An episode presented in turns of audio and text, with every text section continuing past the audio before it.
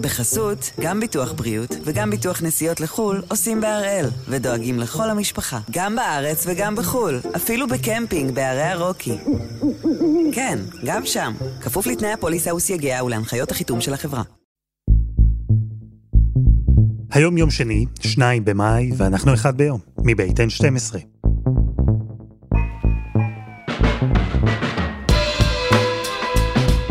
אני אלעד שמחה יופי, אנחנו כאן כדי להבין טוב יותר מה קורה סביבנו, סיפור אחד ביום, כל יום.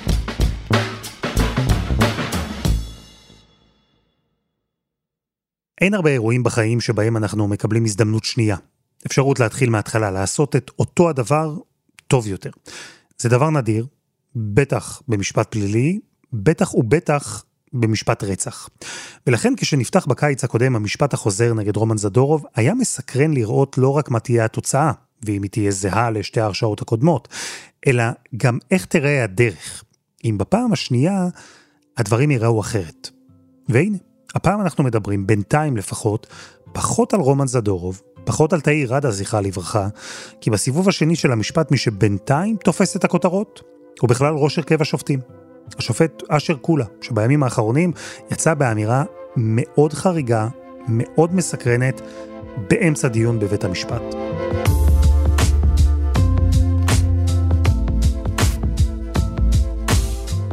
אז הפעם אנחנו עם כתב N12 יובל הראל ועם עורך הדין נשגב נקדימון, שיסבירו לנו למה התכוון השופט כשאמר שבמשפט הזה קורים דברים שלא צריכים לקרות במדינה מתוקנת.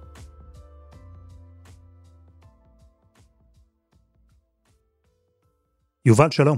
שלום אלעד. אתה היית בכמה מהדיונים, תתאר לי קצת את האווירה באולם, את הדינמיקה.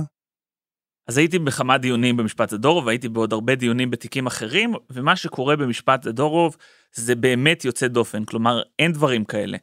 מתחילת המשפט, הפרקליטות וראש ההרכב, השופט אשר קולה, נמצאים במסלול התנגשות. פעם אחת השופט קולה אומר לאחד הטובים, אתה חוצפן. פעם אחרת, אחת התובעות אומרת, אתה הורס לי את החקירה הנגדית. כל פעם יש איזשהו סיפור אחר, שמוביל ממש להתנגשות חזיתית בין השופט לבין הפרקליטות, כאשר צריך לזכור, השופט הוא מי שצריך להכריע בסוף. השופט הוא לא צד בתיק, בדרך כלל אנחנו רגילים, יש עימותים בין הצדדים, לפעמים גם אולי השופט מביע את דעתו, אבל זה אף פעם לא בעוצמות כאלה. והשופט כולה במספר הזדמנויות הוא אמר פעם אחת שהתביעה במצב קשה מאוד, שיש אלף ואחד דברים שהם קשים מאוד מבחינת התביעה.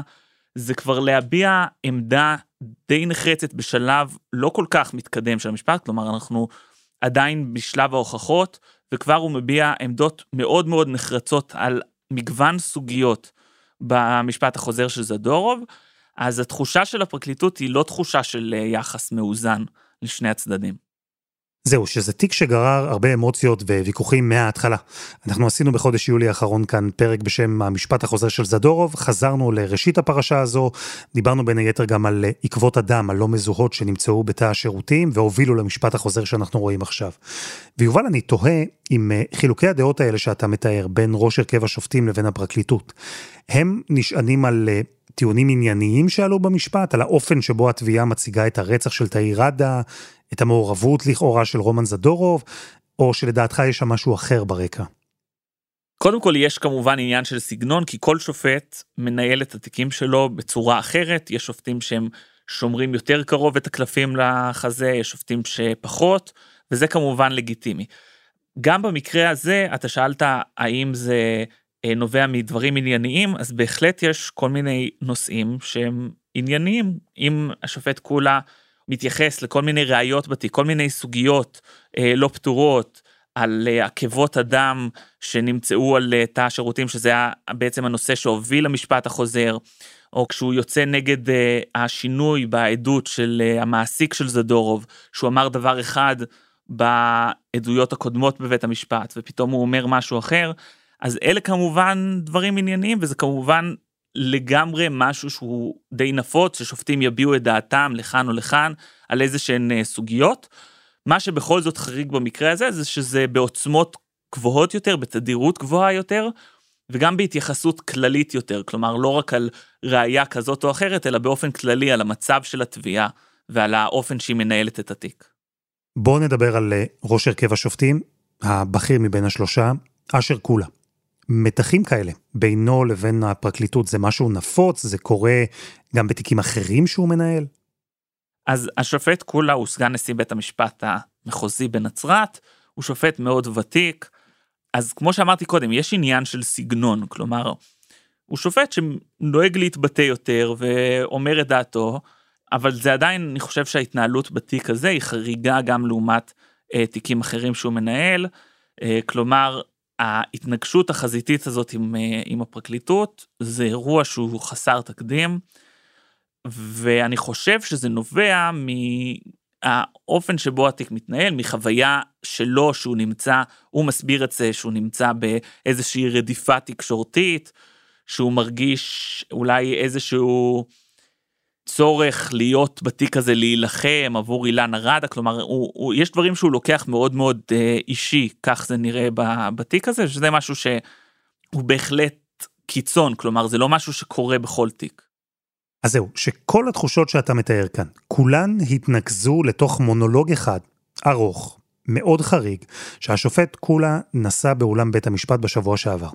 יובל, צריך להגיד, הפרוטוקול הרשמי של הדיון הזה לא פורסם עדיין, זה חריג, זה קורה בגלל שבדיון הזה העיד עד מומחה מארצות הברית, הצורך בתרגום, כך אומרים, הוא זה שגרם לדחייה בפרסום הפרוטוקול, אבל אנחנו כן יודעים מה השופט אמר בעקבות עדויות שיצאו מתוך בית המשפט, וגם ממכתב ששלחו מהפרקליטות לבית המשפט אה, בעקבות הדברים האלה. מה בעצם קרה שם?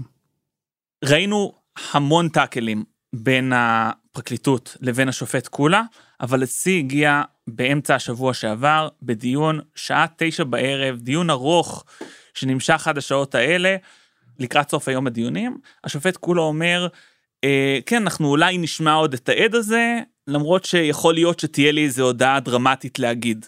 מין משפט כזה שמגיע מה שנקרא out of the blue.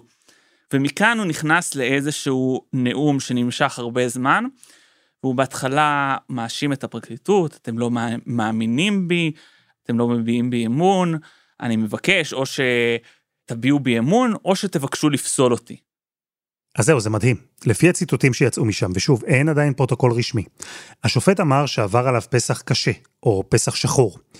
הוא אמר שמופעלים עליו לחצים, שהוא שקל לפסול את עצמו, אבל בסוף החליט להישאר בתפקיד רק למען אילנה ראדה, אימא של תאיר. השופט קולה סיים את הדברים ואמר, אני אמרתי את מה שאמרתי, יש עוד דברים, לא את כולם אני רוצה לחשוף עכשיו, מי שצריך לדעת יודע. והוא אמר, נעשו כאן דברים שלדעתי אסור שיעשו במדינה מתוקנת. תשמע, זו חתיכת פצצה שהוא זרק בבית המשפט, בלי ממש להסביר. מה קרה אחר כך? אחר כך הפרקליטות שואלת אותו, רגע, אתה אומר, יש דברים, אתה רומז פה למעשים לא חוקיים. אז uh, אתה מתכוון שהפרקליטות עושה דברים כאלה? אז הוא אומר, לא, לא, לא, לא, לא, לא, לא, חוזר על זה כמה פעמים, כלומר הוא לא מייחס את המעשים הלא חוקיים לפרקליטות, אבל הוא כן מדבר על דברים מאוד מאוד uh, חמורים לטענתו, הוא לא מפרט במה מדובר. אחר כך העורך הדין ירום הלוי, שמייצג את זדורוב, אה, מתחיל לדבר גם הוא, והוא מאשים את הפרקליטות, הוא אומר לשופט, אתה אל תוותר, והוא אומר לפרקליטות שהם... מפיצים פייק ניוז וכל מיני דברים כאלה, גם כן זה הופך לאיזשהו נאום. ובסוף הדיון גם הפרקליטות אומרת לו איזושהי תשובה שאנחנו, גם אם אנחנו אומרים דבר כזה או אחר לבית המשפט, בסוף אנחנו מרכינים ראש בפני בית המשפט, ואנחנו מכבדים את החלטות בית המשפט, ובזה הם בעצם סוג של מביעים בו אמון, למרות שאחר כך הם אומרים אנחנו לא מכירים הליך כזה של הבעת אמון בשופט. אז אלו משפטים מאוד לא שגרתיים, שנאמרו במשפט מאוד לא שגרתי. משפט שמעורר סקרנות בכל המדינה, שמדברים עליו, שיש תיאוריות, יש דעות שונות לגביו. אז זה לא מאוד מפתיע שגם ראש הרכב השופטים, השופט הבכיר בתיק הזה, זה לא מאוד מפתיע שהוא מרגיש לחצים מיוחדים דווקא בתיק הזה, שהוא שוקל לפסול את עצמו. השאלה היא, אם אפשר בכלל להמשיך לנהל ככה משפט. אז ביקשנו את עזרתו של עורך הדין דוקטור ישגב נקדימון, הוא היועץ המשפטי של חברת החדשות שלנו, וגם בעבר שופט בבית משפט השלום. אה, כעורך דין אה, שמבלה באולמות בתי המשפט אה, הרבה מאוד שנים, אני חייב להגיד לך שאני עד היום לא נתקלתי בהתבטאות שיפוטית מהסוג הזה, וכולנו כמובן מאוד סקרנים מה הרקע העובדתי שעומד מאחוריה. והשופט בעצם אמר לפרקליטות, תביעו בי אמון או תבקשו לפסול אותי. אז בואו נתחיל רגע מהחלק של הבעת האמון. זו בקשה קצת משונה. יש בכלל הליך כזה שבו עורכי דין יכולים להביע אמון בשופט? אין הליך כזה. השאלה למה הגיעו הדברים לידי כך שהוא צריך אה, לבוא ולהגיד להם תביעו אמון. כי יכול להיות שהוא יתרשם שאולי אין בו אמון מסיבה כזו או אחרת. ובהחלט אפשר אה, להבין מצב שבו שופט בא ואומר אני רוצה לנהל את התיק מתוך תחושה וידיעה שכל הצדדים אה, מביעים בי אמון. אם כי בקשה כזאת או פנייה כזאת תביעו בי אמון היא באמת דבר לא שגרתי. והחלק השני של הדברים שלו פסילה, השופט קולה אמר ששקל לפסול את עצמו, בינתיים החליט שלא. כלומר, אין איזה מנגנון, אין מישהו שאמור לבדוק מה אלו הלחצים האלה שהוא דיבר עליהם? הוא בעצמו מחליט אם הוא כשיר להמשיך לשפוט בתיק הזה או לא? כל זמן שהשופט לא חושב שהתקיים פה מצב שבו מתקיימת עילה לפסול אותו, הרי שגם אם קרו דברים כאלה ואחרים מחוץ לכותלי בית המשפט, לא רק שאין שום מניעה שהוא ימשיך לדון, אלא שלפי הפסיקה של בית המשפט העליון, הוא חייב להמשיך לדון. שופט צריך לדון בכל עניין שהוא עבר לטיפולו. ואנחנו כבר מכירים מקרים מן העבר ששופטים אה, פסלו את עצמם, והנשיאה או הנשיא אה, ביטלו את החלטת הפסילה, כי הם באו ואמרו, כבוד השופט, אתה לא בן חורין לבוא ולהחליט במה מתאים ובמה לא מתאים לך לדון.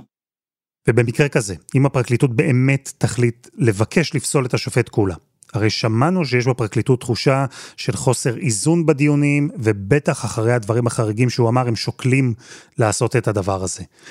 גם במקרה כזה, אם הם יגישו בקשה, הוא זה שבסופו של דבר צריך לקבוע אם הוא אה, ייפסל או לא? בדיוק ככה, לפי החוק, הסמכות הראשונה לפסילה היא קודם כל של השופט עצמו. אחד הצדדים, אם מחליט, מבקש, מגיש בקשה לפסילה, והסמכות להחליט בבקשת הפסילה היא של השופט עצמו שפסילתו מתבקשת. מעליו אבל, וזה חשוב לדעת, יש סמכות ערעור לנשיא בית המשפט העליון, נשיאת בית המשפט העליון, שמוסמכת לדון בערעור הזה, ואם היא מגיעה למסקנה אחרת מהשופט, דהיינו, אם הוא חשב שהוא לא צריך לפסול את עצמו, והיא חושבת שהוא כן צריך לפסול את עצמו, אז היא תחייב את פסילתו. מה ההיגיון בזה? כלומר, הנה, יש שופט שמודה שמופעלים עליו לחצים קשים, על גבול הלא חוקיים, אולי אפילו מעבר לגבול הזה. הוא אומר שיש לחץ שמשפיע עליו בתפקוד שלו בתיק, כי עובדה שהוא שקל לפסול את עצמו. ובהחלטה האישית שלו, בלי שהוא מתייעץ, בלי שהוא חייב דין וחשבון, הוא בעצם מחליט שהכל בסדר והוא יכול להמשיך, איך הדבר הזה מסתדר? שופט מקצועי מסוגל להיות אדם שכישוריו המקצועיים אה, מאפשרים לו להתרומם מעל כל השפעה חיצונית. אה, אנחנו נתקלים בדבר הזה הרבה מאוד פעמים כשיש שאלה אם פרסומים בתקשורת אה, השפיעו על בית המשפט. אז באנגליה ובארצות הברית היו מקרים שמשפטים פליליים בוטלו בגלל שהגיעו למסקנה שהמושבעים היו חשופים ללחץ תקשורתי נניח נגד הנאשם. בשיטת המשפט שלנו נעשו ניסיונות אה, לטעון את זה ובית המשפט תמיד קבע שלאור העובדה שאצלנו יש שופטים מקצועיים אז השופטים המקצועיים חסינים אה, בדרך כלל מהשפעות חיצוניות והכלל הזה אה, יכול להיות יפה גם לנסיבות שמתוארות כאן, כי שופט זה אדם ובוודאי אה, שופט אה, אב, אב בית דין בתיקי פשע חמור, כמו השופט הנדון הזה, זה בוודאי אדם עם עשרות שנים של עשייה שיפוטית. אני חושב שבסופו של דבר שופט מקצועי ידע להתרומם מעל ההשפעות החיצוניות וככל שהוא באמת מגיע לסיטואציה חריגה ויוצאת דופן שבה הוא חושש שהוא לא יכול לעשות את זה, אז יש בידיו את הסמכות שהחוק מעניק לו לפסול את עצמו. זו פתאום הפכה להיות שאלה רלוונטית במשפט הזה.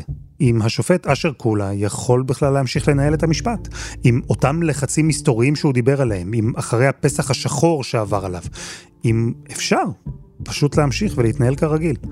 כרגע לפחות, נדמה שיש תשובה. אבל קודם חסות אחת, וממש מיד חוזרים.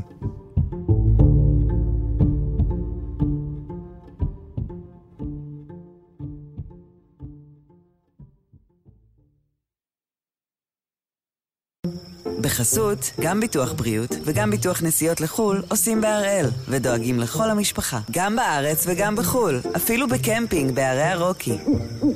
כן, גם שם, כפוף לתנאי הפוליסה וסייגיה ולהנחיות החיתום של החברה. אנחנו עם המשפט החוזר של רומן זדורוב, הניסיון השני לפתור את השאלה מה קרה לנערה תאירדה זכרה לברכה לפני 15 שנים בבית הספר בקצרין.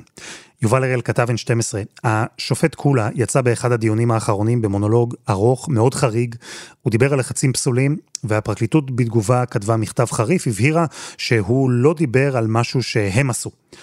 יש מישהו שחוקר את העניין הזה? בבתי המשפט, במשטרה? נכון לשלב זה הנהלת בתי המשפט לא נכנסת לעניין הזה. מבחינת משטרה לא הוגשה תלונה ככל שידוע לי, ולכן גם לא מתנהלת איזושהי חקירה או משהו כזה על אה, מה גרם לפסח של השופט קולה להיות פסח שחור. מבחינת פרוצדורה, יש את הפרוצדורה שהוא עצמו רמז אליה, שזו פרוצדורה של אה, בקשת פסלות. הפרקליטות לא החליטה להגיש בקשת פסלות, היא גם כרגע לא מתכוונת להגיש בקשה כזאת, אני אומר כרגע כי אנחנו לא יודעים, יכול להיות תהיינה עוד התפתחויות בתיק הזה ואז תהיה הצדקה אחרת להגיש בקשת פסלות אבל כרגע זה לא בתוכניות של הפרקליטות וכרגע לא נראה שזה על הפרק. תשמע הרי זה לא משפט רגיל. גם בגלל העניין שהוא מייצר בציבור הפרשה המאוד סבוכה הזו אבל גם כי זה משפט חוזר זה בעצם לקחת משפט שכבר עבר את כל התהליך פעם אחת ולהחזיר אותו לנקודת ההתחלה להתחיל אותו מאפס. לזה יש השפעה על האופן שבו אנחנו רואים את השופט ואת הפרקליטות, את ההתנהלות שלהם? אז יש פה כמה דברים שאני חושב שהם באים לידי ביטוי בעובדה שמדובר במשפט חוזר. דיברנו בעיקר על, השופט קולה, אז גם יכול להיות שזה בא לידי ביטוי במובן מסוים. השופט קולה לא פעם אמר שהוא לא רוצה להשאיר אבן אחת, כלומר הוא רוצה להפוך כל אבן, ומאוד חשוב לו לברר את האמת, כי הוא אומר זה כבר גלגול מי יודע כמה של התיק הזה, וצריך שהפעם נהיה בטוחים במאה אחוז או מעל לכל ספק סביר כמו שאומרים במשפט פלילי ש, ש, שיהיה ברור שלא יישאר שום ספק גם מבחינה ציבורית לא רק ברמה המשפטית שאילן רד תהיה בטוחה שהפכנו כל אבן ושאנחנו בטוחים. ו- ו- וזה היבט אחד שבא לידי ביטוי עובדה שמדובר במשפט חוזר. היבט שני מבחינת הפרקליטות צריך להגיד זאת לא אותה פרקליטות שניהלה את התיקים הקודמים זה לא פרקליטות מחוז הרכיבו צוות שכל אחד מגיע ממחוז אחר זה אנשים שלא נגעו בתיק הזה בעבר אבל כן צריך להגיד ברמה מערכתית שבעצם הפרקליטות בעצם ההחלטה שלה ללכת על משפט חוזר אז היא גם במובן מסוים העמידה את עצמה למשפט. כלומר היא כן הפכה את זה לאיזשהו תיק שמה לעשות אף על פי שזה תיק רגיל היא הפכה אותו במובן הזה לתיק שהוא שונה מתיקים רגילים, כי אנחנו יודעים כמה התיק הזה סוער וכמה הוא דרמטי, וברגע שהפרקליטות החליטה לנהל את המשפט החוזר, היא יודעת שאם זדורוב יזוכה, זה הפסד מאוד משמעותי עבורה. איך זה בא לידי ביטוי? אני חושב שאחת הדוגמאות די מדהימה היא מה שקרה בעדות של אה, דוקטור חן קוגל, מנהל המכון לרפואה משפטית. צריך להבין, יש מכון לרפואה משפטית לאומי אחד במדינת ישראל, חן קוגל, דוקטור חן קוגל, הוא הבן אדם שאחראי על כל חוות הדעת שהפרקליטות מגישה מטעמה בכל תיק פלילי שיש בו חוות דעת של המכון, של, אה, שקשורה לרפואה משפטית. ולכן היחסים עם הפרקליטות, של הפרקליטות עם דוקטור חן קוגל הם יחסים יומיומיים. וכשדוקטור חן קוגל הגיע להעיד, הוא הגיע כעד הגנה, כי בזמנו הוא כתב חוות דעת לטובת ההגנה כשהוא עוד היה בשוק הפרטי. אמ, והוא הגיע בתור עד הגנה, והפרקליטות, לא רק שהיא ניסתה לסתור את חוות הדעת שהוא נתן, ואת הדברים שהוא אמר בבית המשפט, היא ניסתה ממש לפגוע במהימנות שלו. הם אמרו שהוא לא, כשהוא מעיד מטעם ההגנה אז אין לו גבולות ושכל מיני אמירות מאוד מאוד קשות כלפיו. והוא ענה בתגובה מידה מסוימת של צדק שהם בעצם בדרך להשיג את הניצחון הזה בתיק הספציפי הם שורפים את כל הקשרים. אז למה גם ההחלטה הזו לתקוף את דוקטור קוגל, למה היא נתפסת כלשרוף את כל הגשרים? צריך להבין, יש עורכי דין, סנגורים, שהקשיבו בקשב רב לדיווחים על הדיון הזה, אולי אפילו קראו את הפרוטוקול אחר כך, כי הם הבינו, הנה, אם הפרקליטות מטילה ספק במנהל המכון לרפואה משפטית, אז אנחנו, כשאנחנו נייצג נאשם בתיק שהפרקליטות משתמשת בחוות דעת של המכון לרפואה משפטית, אנחנו נצטט את הדברים שהפרקליטות טוענת לגביו, ונראה, הנה, הפרקליטות בעצמה לא מאמינה למה שהוא אומר. ולכן זה אירוע שהוא משמעותי, שהוא חסר תקדים, שהוא יכול להשליך על תיקים אחרים, וצריך להגיד, גם הדבר הזה, הוא לא נעשה סתם, הוא נעשה אחרי החלטה מערכתית, שהפרקליטות החליטה שזאת החקירה הנגדית שהיא מתכוונת לעשות לדוקטור חן קוגל, ואני חושב שזה מראה במובן מסוים כמה שהפרקליטות מוכנה ללכת בצעדים מרחיקי לכת לטובת הרשעה בתיק הזה. אז הפרקליטות שמה המון על המשפט הזה, ראינו, היא מוכנה לנהל ויכוחים עם שופטים ולתקוף את מי שהיא נעזרת במומחיות שלו המון, ראש המכון לרפואה משפטית. אבל כשראש הרכב השופטים מותח על הפרקליטות ביקורת באופן כמעט קבוע בדיונים, כשהוא מדבר על לחצים פסולים, בפרקליטות יש מחשבה שאולי התיק הזה הולך לקראת זיכוי? יש מחשבה בהחלט. יותר מזה, אני חושב שזאת התחושה בפרקליטות, ש... שהתיק הזה הולך ל... לקראת זיכוי, שיש ריח של זיכוי, כל... אני, אני ממש חושב שזאת התחושה, אבל השאלה היא מה קורה אחר כך. כלומר, אנחנו, בשיטת המש... בשיטתנו המשפטית, יש גם ערכאת ערעור. אם uh, בית המשפט יחליט שלא להרשיע את זדורוב, אז הפרקליטות תקרא את הכרעת הדין, ואם היא תרגיש שזו לא הייתה החלטה נכונה, ויכול להיות שבהתאם להערות של השופטים היא תרגיש שהמשפט הזה יתנהל בצורה לא מתאימה למה שהם חושבים שהוא היה צריך להתנהל, אז בהחלט יכול להיות שהם יגישו ערעור, ואז זה יגיע שוב לעליון בפעם אה, השלישית, אם לא סופרים את ההחלטה של אה, השופט מלצר על משפט חוזר. כלומר, יכול להיות שגם בסוף המשפט הזה, המשפט החוזר כלומר, אנחנו לא באמת נדע, במובן המשפטי לפחות, מי רצח את העיר עדה. יש תרחיש כזה, יותר מסביר. תראה, במשפט פלילי, הפרקליטות צריכה להוכיח מעל לכל ספק סביר. זה הניסוח. כלומר, כשאנחנו מדברים על משפט פלילי, אנחנו לא רק מדברים על עשה, לא עשה. כלומר, אנחנו לא, אנחנו מצפים שיש אמת מאוד מאוד ברורה, ויש תיקים שהם יותר מסובכים, לא כל תיק יש תיעוד ממצלמה וברור בדיוק מה קרה בו. יש תיקים שהם יותר מסובכים, יש ראיות שאומרות לכאן, לכאן. ולכן המבחן שנקבע זה מבחן של מעל לכל ספק סביר. מה זה ספק סביר? זה גם הגדרה קצת עמומה. אז נהוג לומר, אם אתה רוצה לכמת את זה, משהו כמו חמישה אחוז זה ספק סביר, אז הפרקליטות צריכה להוכיח בוודאות של 95 אחוזים לפחות, שהנאשם עשה את זה. כלומר, זה לא מעל ל-50 אחוז.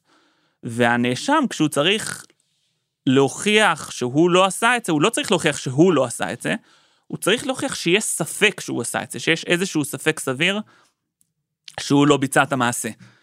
למשל, במקרה של זדורוב, הספק הסביר לכאורה יכול להתעורר סביב אותם כתמי דם בתא השירותים, שהוא, שירום הלוי אומר, לפרקליטות אין הסבר הגיוני לעקבות האלה, וזה בעצם משאיר את המצב בסוג של אה, חוסר ודאות, אה, זיכוי מחמת הספק. זה תרחיש שהוא בהחלט יכול לקרות, ואז אנחנו ברמה המשפטית בהחלט לא, לעולם לא נדע מי רצח ברמה המשפטית, ואני אגיד לך יותר מזה, גם אם הוא יורשע וגם אם אחר כך יוגש ערעור, וגם אם הערעור יידחה, עדיין יהיו אנשים שיגידו ש... שהוא לא רצח ושאנחנו לא יודעים מי רצח, או שאנחנו כן יודעים מי רצח, ואני יודע מי רצח, וכל אחד יודע מי רצח פה, אבל uh, יכול להיות שהמחלוקת הזאת לא תסתיים גם אחרי אחת uh, הדין.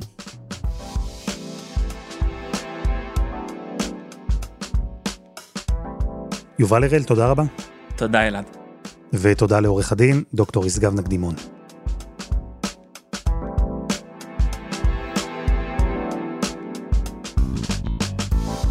וזה היה אחד ביום של N12. אנחנו מחכים לכם כרגיל בקבוצה שלנו בפייסבוק, חפשו אחד ביום, הפודקאסט היומי. העורך שלנו הוא רום אטיק, תחקיר והפקה דני נודלמן, רוני ארניב ועדי חצרוני, על הסאונד יאיר בשן שגם יצר את מוזיקת הפתיחה שלנו, ואני אלעד שמחיוף, יונה לייבזון, תהיה כאן מחר.